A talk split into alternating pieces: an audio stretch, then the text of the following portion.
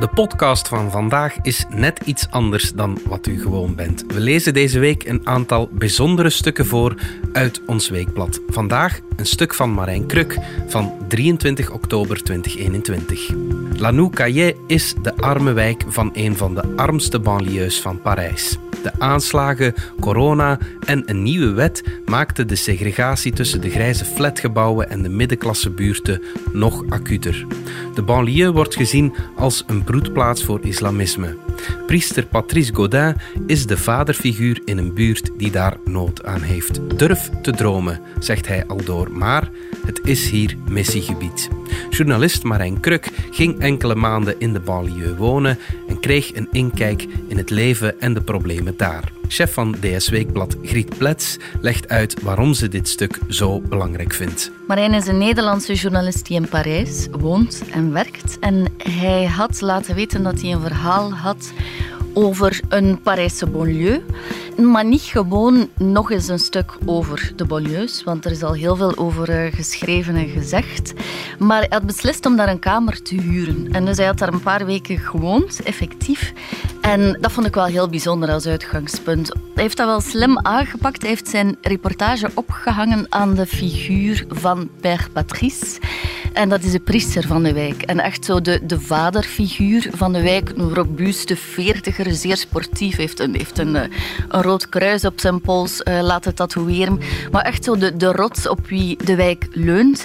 En die man heeft hem en dus eigenlijk ook de lezer op sleeptouw genomen. En hij leidt hem overal rond. En hij brengt hem dus in contact met bijvoorbeeld die, uh, die dealers. Hij waarschuwt hem ook aan het begin van zijn reportage van ik ga misschien eerder overdag bij hen langs, zo in late voormiddag. Um, als ze nog niet te stoned zijn, als ze alle tijd hebben om te spreken. En ja, dan merk je gewoon, die zouden anders nooit met hem gesproken hebben. En nu lukt dat wel. En hij beschrijft eigenlijk het leven in die wijk daardoor op een heel levendige manier, alsof je er echt ook zelf bij bent. En wat hij heel goed doet, vind ik, is schetsen hoe um, de complexiteit en de dynamiek, hoe zo'n wijk leeft en hoe in zo'n wijk ook en in zo'n cité veel van de, de, de grote thema's en problemen waar um, Frankrijk mee worstelt of mee zit, zoals bijvoorbeeld radicalisering, extremisme, werkeloosheid, uitzichtloosheid, hoe die in die wijk samenkomen en hoe voor veel van die jongeren eigenlijk heel bijzonder zo'n wijk een gesloten universum is dat um, ja, met eigen codes die zij kennen en die voor hen dus heel vertrouwd zijn en heel veilig voelen, maar waardoor ze vaak ook nooit aan die wijk ontsnappen en er nooit buiten komen en op die manier eigenlijk daar ook vast komen te zitten. En um, dat legt hij heel mooi bloot in het stuk.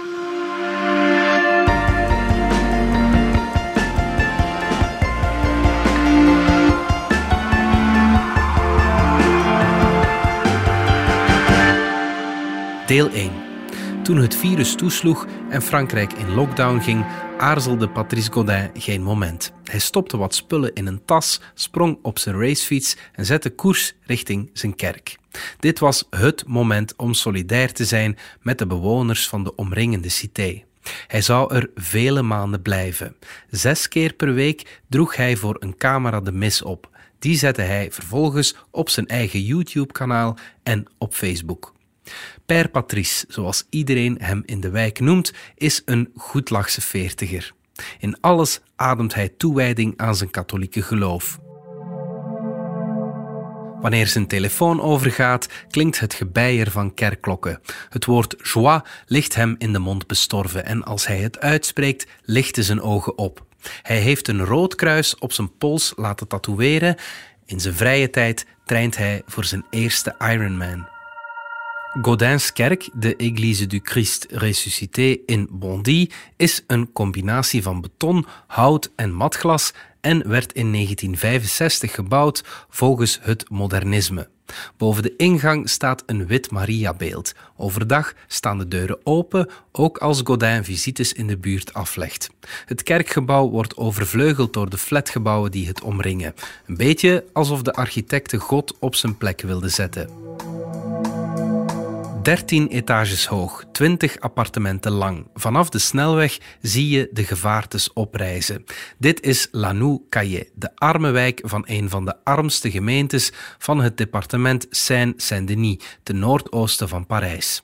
Zowat 90 nationaliteiten wonen hier, het merendeel afkomstig uit de voormalige koloniën in Noord- en West-Afrika en de Antillen, maar de laatste jaren ook uit landen als Bangladesh en Congo. De voetballer Kylian Mbappé groeide hier op. Op een van de mega-flatgebouwen liet zijn sponsor een levensgrote afbeelding aanbrengen.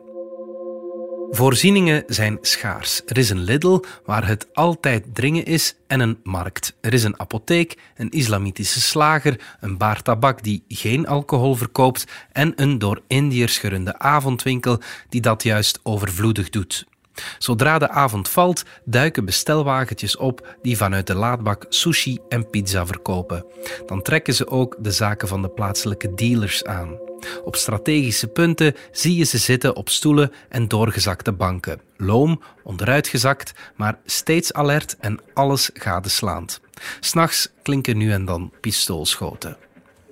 Vorig jaar, tijdens de eerste lockdown, doken in Franse media berichten en reportages op over mensen in de banlieue die zich niet of nauwelijks aan de coronaregels hielden. In het conservatieve dagblad Le Figaro vroeg Godin om begrip. Ja, schreef hij, het duurde even eer de regels werden toegepast, maar inmiddels houdt men zich eraan, in heel moeilijke omstandigheden. Stel je voor, zegt hij, een appartementje zonder balkon, zonder tuin, met een droefstemmend uitzicht waar drie generaties opgetast zitten. Als je daarbij de kinderen moet laten werken met een aftandse computer zonder printer, dan grenst dat aan heroïek. Er was zeker criminaliteit, vervolgde hij, maar die mocht het stille heldendom van al diegenen die bleven doorwerken niet verhullen. Voor hen was er geen uitweg, geen thuiswerk, geen tweede huisje op het platteland. Ik ben als zij, besloot Godin. Ik zit in lockdown in mijn kerk. Ook in Frankrijk bracht de pandemie op genadeloze wijze de sociaal-economische ongelijkheid aan het licht. Terwijl rijke Parijzenaars en masse naar het platteland verkasten, stonden mensen in de banlieue in de rij bij de voedseluitdeling. Maar wanneer de banlieue in het nieuws is, gaat het doorgaans over criminaliteit, drugs, geweld door en tegen de politie, benderivaliteit, islamisme en terreur. Dat beeld wordt gevoed door filmpjes op sociale media van jongeren die politiebureaus en busjes met vuurwerkbommen bestoken. Effect verzekerd. Eerder dit jaar zette een groep ex-generaals de situatie op scherp met een brandbrief. Er zou sprake zijn van een burgeroorlog en het leger zou in de banlieue orde op zaken moeten stellen, indien nodig buiten de regering om. De brief veroorzaakte sensatie in de media. De verontwaardiging vanuit het politieke establishment was groot. Veel van de generaals waren afkomstig uit extreemrechtse hoek. Maar opiniepeilingen wezen ondertussen uit dat bijna 60% van de Fransen de zorgen van de generaals deelt. Nog slechts een kwart van de Fransen voelt zich tot linkse partijen aangetrokken. Het gemak waarmee een groepje gepensioneerde generaals door de constante stroom van COVID-nieuws wist te breken, is veelzeggend. Het toont dat autoriteit, orde en veiligheid gevoelige thema's zijn. Volgens politicologen speelt dat radicaal rechts in de kaart. Zo stelt Pascal Perrineau, een toonaangevende populisme-expert, dat Frankrijk zich op een vulkaan bevindt. De succesvolle vaccinatiecampagne is een opsteker voor president Macron, maar indien Marine Le Pen van de nationaal-populistische Rassemblement National in mei 2022 de tweede ronde van de presidentsverkiezingen bereikt, zou ze volgens Perino voor een verrassing kunnen zorgen. Dat haar dat zal lukken is onzeker geworden nu ze door de extreemrechtse agitator Eric Zemmour dreigt te worden gepasseerd.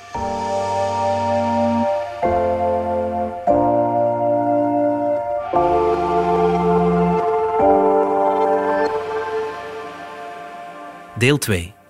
Bondy wordt doorsneden door het Canal de Lourcq, oorspronkelijk bedoeld om Parijs van drinkwater te voorzien. Aan de ene kant is er La Noucaillé, aan de andere kant het oude centrum dat ooit rondom de middeleeuwse kerk groeide. Flatwijken vind je daar ook wel, maar lang niet zo grimmig als aan de andere kant van het kanaal. Richting het zuiden zijn er uitgestrekte wijken met pavillons, vrijstaande huisjes, vaak zelf gebouwd, bewoond door de lagere middenklasse. Aan weerszijden wordt gebouwd high-tech appartementencomplexen en kubusachtige woningen. Bondy vormt het geografische hart van het departement Seine-Saint-Denis. Le 93, een urban sprawl waarin zowat 50 gemeentes samenklonteren. Saint-Saint-Denis heeft een eigen taal, muziek en verbeelding. In films als het klassieke La Haine uit 1995 of het recentere Les Miserables uit 2019 klinkt er iets van door. Ze roepen een rauwe wereld op van confrontaties tussen jongeren en de politie, vaalgrijze flatwijken en afgetrapte voetbalveldjes, van rap- en kebabtentjes, van racisme, schooluitval en drugshandel. Seine-Saint-Denis geldt als een plek waar migranten aankomen en weer vertrekken zodra ze het zich kunnen veroorloven. Dat creëert een dynamiek die je veel minder aantreft rond kleinere provinciesteden, zoals de socioloog Didier Laperoni beschreef in Ghetto Urbain uit 2008. Hier is de werkloosheid nog groter dan in de grote steden en is de segregatie vrijwel absoluut. Bewoners scheppen een eigen universum, waarin ze zich veilig voelen, maar dat hen tegelijkertijd belemmert om de omliggende wereld tegemoet te treden. In Seine-Saint-Denis speelt dat probleem ook, maar vanwege de nabijheid van Parijs is er altijd de mogelijkheid tot lotsverbetering. Het clichébeeld is de grauwe flatwijken, maar de werkelijkheid is complex. Het is een lappendeken waar cités grenzen aan middenklassebuurten. Een eigenaardige mix van parken en industrieterreinen, middeleeuwse stadscentra en fantasieloze jaren 90 nieuwbouw, van verkeersknooppunten en 19e-eeuwse kanalen, van braakliggende terreintjes en moderne shoppingmalls. De banlieue in zijn huidige vorm kreeg vanaf de jaren 60 gestalte. De spectaculaire naoorlogse groei ging gepaard met een leegloop van het Franse platteland. Een gelukzoeker die s'avonds in Gare Montparnasse aankwam, kon de volgende dag al terecht in de Peugeot-fabrieken in Seine-Saint-Denis. De vraag naar arbeid was zo groot dat ook beroep werd gedaan op de voormalige koloniën. Eerst kwamen de mannen, de gezinshereniging viel samen met de stagnatie van de westerse economieën.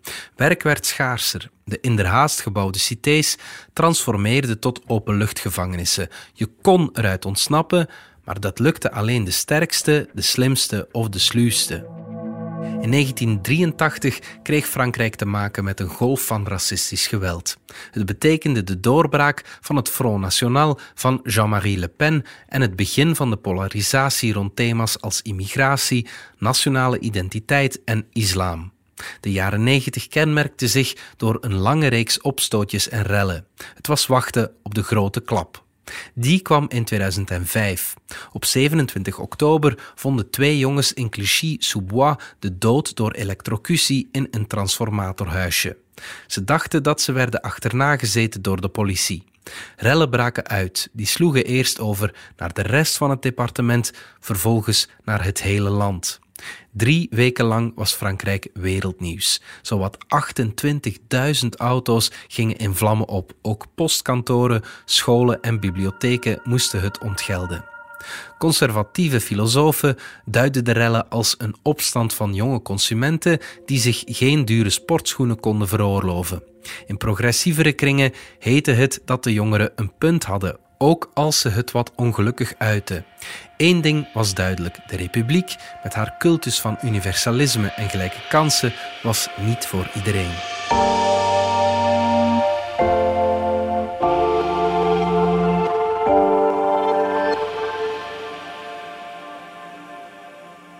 Deel 3.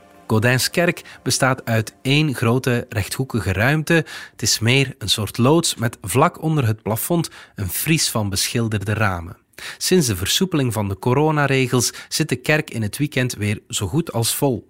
Kerkgangers zijn vol lof over hoe Godin de gemeenschap nieuw leven ingeblazen heeft. Ook bij de overige buurtbewoners is Godin populair. Overal waar hij gaat, wordt hij begroet. Ah, Père Patrice.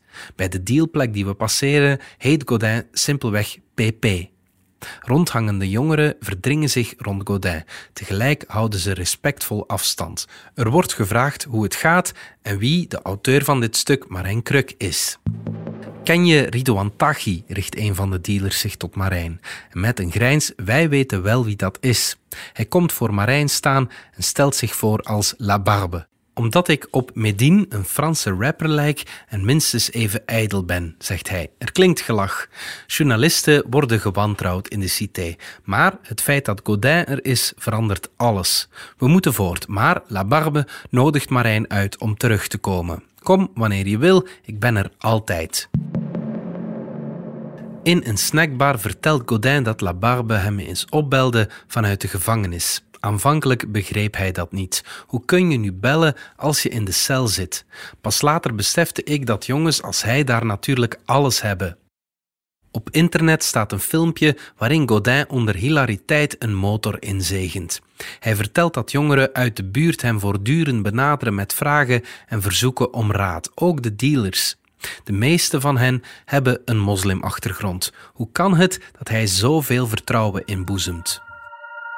Voor hen ben ik in de eerste plaats een homme de Dieu, zegt Godin. Ze vragen of ik voor hen heb gebeden. Dat is belangrijk. Ik probeer die vaderrol een beetje te spelen. Het ontbreekt in de buurt heel sterk aan vaderfiguren. Dus ik ben die vader, hun oudere broer eventueel, maar niet hun vriend, en dat weten ze. Wat Godin opviel toen hij naar de banlieue kwam, was de alomtegenwoordigheid van religie. Of je nu moslim bent, christen of boeddhist, Iedereen is hier ten diepste gelovig. Het biedt houvast, denkt hij, een identiteit. Als we dat niet beseffen, zullen we de banlieue volgens hem nooit echt begrijpen en zullen de bewoners alleen maar meer van de rest van Frankrijk vervreemden. Deel 4 Bondy stemt al sinds de Tweede Wereldoorlog socialistisch, maar vorig jaar veranderde dat. Sylvine Thomasin, de zittende burgemeester van de Parti Socialist, werd verslagen door de kandidaat van het centrumrechtse Les Républicains. Circa de helft van de gemeentes in het departement stemt inmiddels rechts. Marijn zoekt Thomasin op in haar partijkantoor in het centrum. Er staat een versleten sofa, de muren hangen vol met posters van partijcorifeeën. Thomasin kreeg landelijke bekendheid toen ze boos wegbeende op een bijeenkomst op het Élysée, waar Macron een scherpe opmerking had gemaakt over linkse burgemeesters en hun cliëntele. Wat haar naar eigen zeggen niet hielp, was de nadruk vanuit progressieve hoek op thema's als gendergelijkheid. Zeker niet toen een foldercampagne op gang kwam waarin werd beweerd dat links van plan was lippenstift voor jongens voor te schrijven. Eerder was het homohuwelijk ook al tegen het zere been van veel moslims geweest. Stéphane Hervé, Thomasins rechtse viraal en de uiteindelijke winnaar, richtte zich meer op de bewoners van de vrijstaande huisjes, vertelt hij in zijn werkkamer op het stadhuis. Hervé, een joviale man die net als Thomasin opgroeide in de stad, vertelde een verhaal van veiligheid en properheid. Hij stelde dat de gemeentepolitie moest worden uitgebreid en bewapend. Mensen verwachten een bepaalde orde en rust, zegt hij, en die worden niet bediend. Thomasin werd nipt verslagen. Ze vecht de uitslag aan.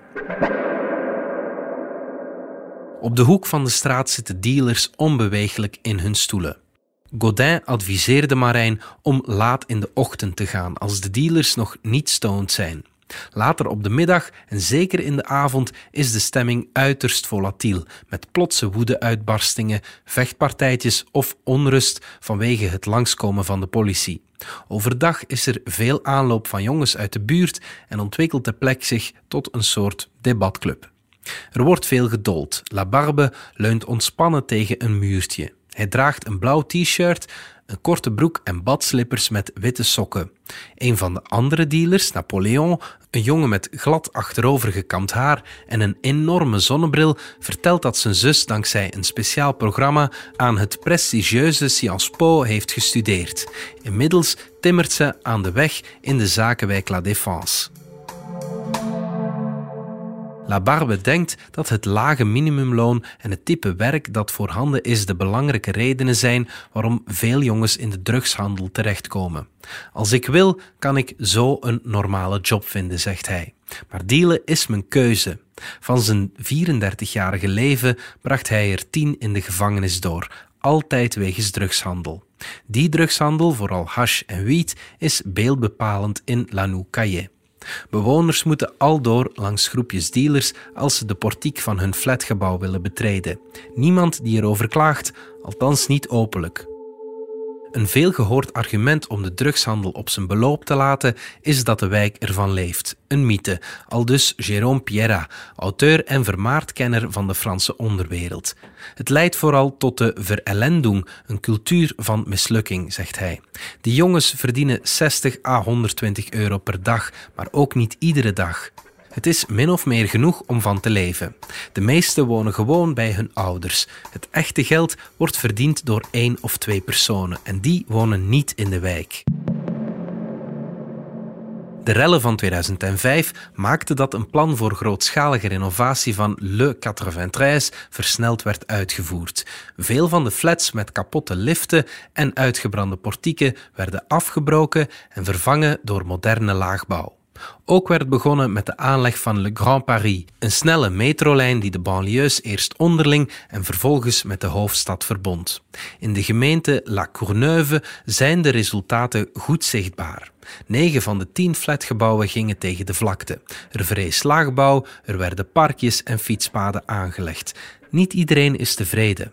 Alles is in stelling gebracht voor een overname door de Parijse middenklasse, zegt Ali Diora, een lokale politicus en buurtwerker. Woonlasten reizen de pan uit, Huren dreigt onbetaalbaar te worden. Onze ouders zullen hier nog wel kunnen blijven wonen, zegt Diora. Maar wat doen wij? Er wordt druk gerenoveerd, maar mentaal zijn de bewoners nog steeds hetzelfde. En er is nog altijd geen werk.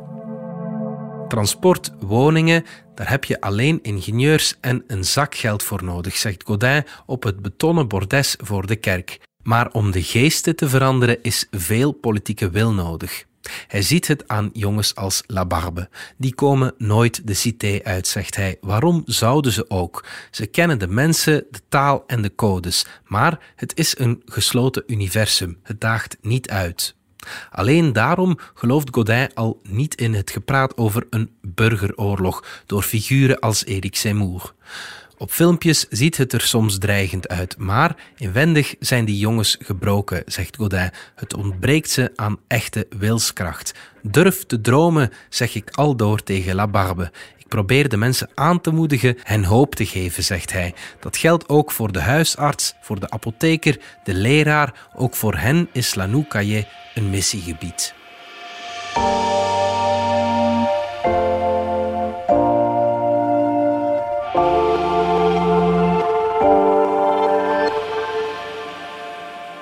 Deel 5. Godin werd geboren in een dorpje in de buurt van Niort, in het westen van Frankrijk. Hij studeerde bedrijfskunde in Bordeaux, waar hij op zijn twintigste door een groepje katholieke jongeren werd aangesproken. Of hij met hen wilde bidden. Het was het begin van de herontdekking van het geloof en van de kerk. Het ging prima met me, zegt Godin over die periode. Ik zou goed geld gaan verdienen, maar God overviel me. Godin maakte zijn studie af, maar besloot dat hij iets met zijn geloof wilde doen. Hij werd priester. Tien jaar later vertrok hij naar Lourdes om er een jaar te leven in een tehuis voor ex-verslaafden. Het leerde hem het belang van familie, maar hij zag er ook een diepere waarheid in over onze samenleving, gekenschetst als die naar zijn idee is door de zucht naar afleiding en vermaak. We willen geen economisch liberalisme meer, zegt hij, maar een transcendent project is er ook niet. We hebben individuele vrijheid, maar om wat mee te doen? Godin werd vooral getroffen door een Oost-Europese jongen, een weeskind dat op zijn vijftiende aan de harddrugs was geraakt en zichzelf sneed in de onderarmen. Zo werd het plan geboren om met sociaal kwetsbare mensen te werken. Hij ging nog een jaar studeren in Jeruzalem. Niet veel later werd hij overgeplaatst naar Bondy. Godin bewoont een kamer in de pastorie. Spullen heeft hij nauwelijks. De meeste van zijn boeken heeft hij weggegeven. Hij verdient 1100 euro per maand. Mijn leven is in en om de kerk, zegt hij. Dominique Dalois is het energieke schoolhoofd van een van de twee basisscholen in Lanou-Caillé. Ze werd in de wijk geboren, maar verhuisde jaren geleden naar een rijkere buurgemeente. Net als de kerk zit de school van Dalois ingeklemd tussen enorme flatgebouwen. Hier wonen kinderen uit allerlei delen van de wereld, zegt Dalois in haar kantoor. En soms hebben die moeite om de regels te begrijpen van wat ik maar even het Franse leven noem. Daar helpen wij bij en zo zitten we in het hart van sociale en culturele integratie. Kinderen worden daarbij aangemoedigd hun eigen taal te behouden. Als er de afgelopen jaren discussies waren over de laïcité, de scheiding tussen kerk en staat, was dat meestal in verband met de islam. Zo is er het zich al decennia voortslepende hoofddoekendebat. Formeel werd dat in 2004 beslecht met een wet die het dragen van ostentatieve religieuze tekens op de Franse openbare school verbiedt. Maar toen Marijn na de aanslag op Charlie Hebdo de banlieue weer eens bezocht, werd hij getroffen door de verbittering over de toen al meer dan tien jaar oude wet. Een paar jaar eerder was een verontrustend rapport verschenen van de bekende Arabist en politicoloog Gilles Kepel. Die stelde dat de rol van de islam in de banlieue enorm was gegroeid. Doorgaans ging het om een huistuin- en keukenislam die een gemeenschappelijk kader en moreel houvast bood, terwijl de republiek slechts loze beloftes deed. Maar ook fundamentalistische predikers waren actief. Keppel nam een intensivering van de religieuze praktijk waar. Moskeebezoek was toegenomen, deelname aan de Ramadan onontkoombaar en ook zag hij hoe het concept halal dusdanig opgerekt was dat een nieuwe afbakening was ontstaan tussen wat moreel aanvaardbaar was en wat niet. Het onderzoek richtte zich op Clichy-sous-Bois en buurgemeente Montfermeil, waar drugshandel en de ineenstorting van het lokale communisme de gemeenschap hadden ondermijnd en gefragmenteerd. Daar bood het geloof een vorm van genoegdoening voor het gevoel van uitsluiting, sociaal, economisch en politiek. De islamisering was een gevolg, geen oorzaak, stelde Keppel. Hij wees op de school en de geringe doorstroommogelijkheden. De school was zowel waar mensen hun hoop oprichten als het object van intense haat. Wat had je aan een diploma als er geen job voor je was?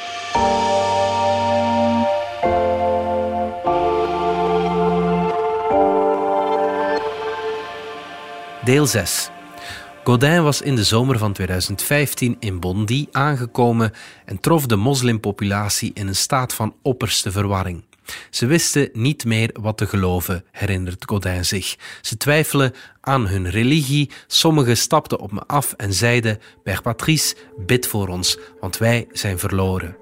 Die verwarring is een grond voor radicalisering, meent Godin. Als een mens niet meer weet wat zijn wortels zijn, zegt hij, is er een neiging om te verharden.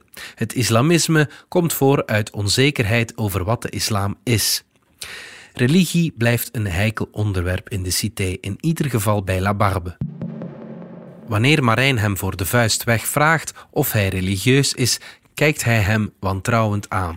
Waarom? Wil je dat weten? vraagt hij. Hoezo? Ik mocht toch alles vragen, zegt Marijn. Maar dit is persoonlijk, zegt Labarbe. Hij doet een paar stappen achteruit. Denk je soms dat ik geen goede moslim ben omdat ik deal? Ik bid vijf keer per dag. Laten we erover ophouden, zegt Marijn daarop. Labarbe komt vlak voor hem staan en short aan zijn schriftje. Het is klaar, je bent niet als Père Patrice, maar een journalist als de andere. Pak je opschrijfboekje en rot op, zegt hij, en je schrijft niets over ons. We weten je te vinden. Volgens Godin worstelen ze met hun geloof. Hem erop aanspreken ziet hij niet als zijn rol, hoewel hij dat bij christelijke jongens soms wel doet. Hij zegt dan: Je kunt niet en vasten voor Pasen en drugs verkopen. Het is één van de twee. Deel 7. De aanslagen in Parijs zetten het debat over radicalisering op scherp. Waren islamisme en salafisme een dam tegen het gewapende jihadisme of juist een sluis er naartoe? En wat was de rol van de banlieue? De socioloog Bernard Rougier had de studenten en promovendi de banlieue ingestuurd, waar ze hun oor te luisteren hadden gelegd in moskeeën, hadden gesnuffeld in islamitische boekhandels en hun licht hadden opgestoken in fitnessclubs en rond voetbalveldjes.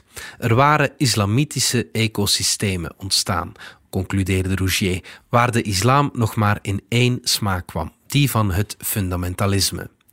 Rougier spreekt zelf van een salafistische revolutie, aangewakkerd vanuit de Perzische Golf, met name Saudi-Arabië. Die ecosystemen waren extra zorgelijk, omdat er volgens Rougier zo niet een continuum, dan toch zeker porositeit bestond tussen niet-gewelddadig islamisme en jihadisme. Dit idee had verregaande implicaties, want het maakte de banlieue tot een broedplaats voor terrorisme. Moslims werden er als het ware klaargestoomd voor de gewapende jihad. Dat er in de banlieue sprake is van islamisering betwist niemand. Wel dat er een continuum zou zijn tussen salafisme en gewelddadig jihadisme. Zo wijst de filosoof Olivier Roy erop dat geen van de aanslagplegers van de afgelopen jaren een salafistische inbedding had. Het waren jongeren, vrijwel altijd met een criminele achtergrond, die zich bekeerden en meteen de gewapende jihad omarmden. In moskeeën kwamen ze niet, in islamitische boekhandels al helemaal niet. De radicalisering voltrok zich vrijwel altijd dankzij een zelfbenoemde imam buiten het reguliere circuit of via internet. Ook de notie van islamitische ecosystemen is bekritiseerd. Wat Rouget aan materiaal en uitspraken verzamelde is zorgwekkend, maar hij maakt niet duidelijk hoe je dat moet generaliseren. Het scheelt nogal of er vijf of vijfhonderd mensen naar een radicale preek luisteren, maar juist daarover zegt zijn onderzoek niets. Het beeld dat Rouget oproept is dat van een buurt die volledig in de greep is van islamisten zegt Marc Hecker, een van Frankrijks bekendste terrorisme-experts. Volgens Hecker toont Rouget niet zozeer dat er buurten zijn overgenomen, maar dat er bereidheid is om dat te doen. Het debat werd in zekere zin kortgesloten door de grote wet over het islamitisch separatisme, die afgelopen zomer door de Franse Grondwettelijke Raad werd goedgekeurd. Het idee achter de door Macron geïnitieerde wet is dat niet gewelddadig islamisme, maar ook salafisme als zodanig een probleem is, omdat het op gespannen voet staat met de waarden van de republiek. We bestrijden het niet gewelddadige islamisme omdat het verdeeldheid zaait onder de Fransen hield een presidentiële topadviseur Marijn in de marge van een antiterrorismeconferentie voor. Het vormt een bedreiging voor de maatschappelijke cohesie, met andere woorden. Deel 8. Is er in La Noukaye sprake van islamitisch separatisme? Een salafistische moskee is er niet. In de weken dat Marijn Kruk in de cité verbleef, zag hij regelmatig salafistische jongeren lopen, herkenbaar aan hun grijze djellabas, sportschoenen en tot op de enkels opgerolde broek. Nu en dan kwamen vrouwen in gezichtsbedekkende niqabs voorbij, in Frankrijk bij wet verboden. Er is een islamitische basisschool, maar hij zag ook veel zwaar gesluierde vrouwen staan bij de schoolpoort van de openbare school. Een eenduidige norm leek er niet, in ieder geval niet op straat. Er liepen mensen van alle slag rond in de wijk, ook 15-jarige meisjes met strakke topjes en blote buiken. Als er al iemand het voor het zeggen heeft in de wijk, dan zijn het de dealers, zegt Godin. Islamisering observeert hij nadrukkelijk wel, al heeft hij volgens hem meerdere aspecten. Er is het gegeven dat veel nieuwkomers van huis uit gelovig zijn, zegt hij. En daarbij is er die verharding, het identitaire aspect dat zich uit in de nadruk op halal en het dragen van de hoofddoek. Oud-burgemeester Sylvine Thomasin zegt dat het fenomeen in Bondy hooguit enkele tientallen gezinnen betreft. Die onderwijzen hun kinderen thuis, iets wat door de nieuwe wet lastiger is gemaakt. Dominique Dallois van de openbare basisschool beaamt dat. Er zijn altijd manieren om je aan het reguliere onderwijs te onttrekken, zegt hij. Net zoals er ouders zijn die niet willen dat hun dochters deelnemen aan de zwemles, maar het komt heel weinig voor. In bepaalde cités zijn er zeker problemen, zegt terrorisme-expert Ecker. En groepsdruk is een feit, maar de vrees voor kleine emiraten, zoals in Tunesië, is nergens op gebaseerd. In het machtsvacuüm vlak na de revolutie van 2011 slaagden salafisten op het Tunesische platteland er hier en daar in gedurende korte tijd de sharia op te leggen. De wil om kinderen op school te onderwijzen in plaats van thuis, zoals in de nieuwe wet staat, is natuurlijk prima, zegt Hekker. Volgens hem geldt dat ook voor het aangekondigde toezicht op buitenlandse financiering of de bepalingen die moeten voorkomen dat fundamentalisten de macht grijpen in moskeeën of religieuze organisaties. Maar als ik dit afzet tegen de polarisatie die het debat over de wet heeft veroorzaakt, zegt Ecker, denk ik soms, is dit het nu? Twee weken nadat Macron de nieuwe wet had aangekondigd, werd de leraar Samuel Paty vermoord door een jonge jihadist. Daarmee was de toon gezet. Centrumrechts en radicaalrechts riepen om verregaande beperkingen. De linkse oppositie vreesde verdere stigmatisering van de Franse moslimpopulatie. Kind van de rekening was de banlieue. In de publieke opinie meer dan ooit een broeinest van criminaliteit, bendegeweld, islamisme en uiteindelijk terreur. En dat terwijl alle experts het erover eens zijn dat oplossingen in onderwijs en werk moeten liggen. Sociaal-economische thema's dus, die in het huidige debat zo goed als zijn ondergesneeuwd. En dat terwijl Macron op dat gebied juist heel veel betekend heeft. Een van de eerste maatregelen die hij doorvoerde was de halvering van basisschoolklassen in probleemwijken. Dat heeft heel goed gewerkt, zegt Talwa, en heeft een reële impact. Het punt is volgens haar dat de stap naar de grotere klas nu eigenlijk te groot is, waardoor het voordeel niet gedaan dreigt te worden. En dan is er het probleem van de doorstroom, want de werkloosheid in de banlieue is nog steeds hoog. In Le 93 en zeker in de provincie. Tot die tijd zal veel neerkomen op de inzet van lokale figuren als Patrice Godin. Veel mensen die Marijn sprak, vrezen de dag dat de kerk hem naar een volgende parochie zal sturen. Godin wuift die angst weg en zegt dan dingen als: Jullie moeten je niet aan mij hechten, maar aan Christus, de bron van vreugde. Maar helemaal geruststellend is dat niet.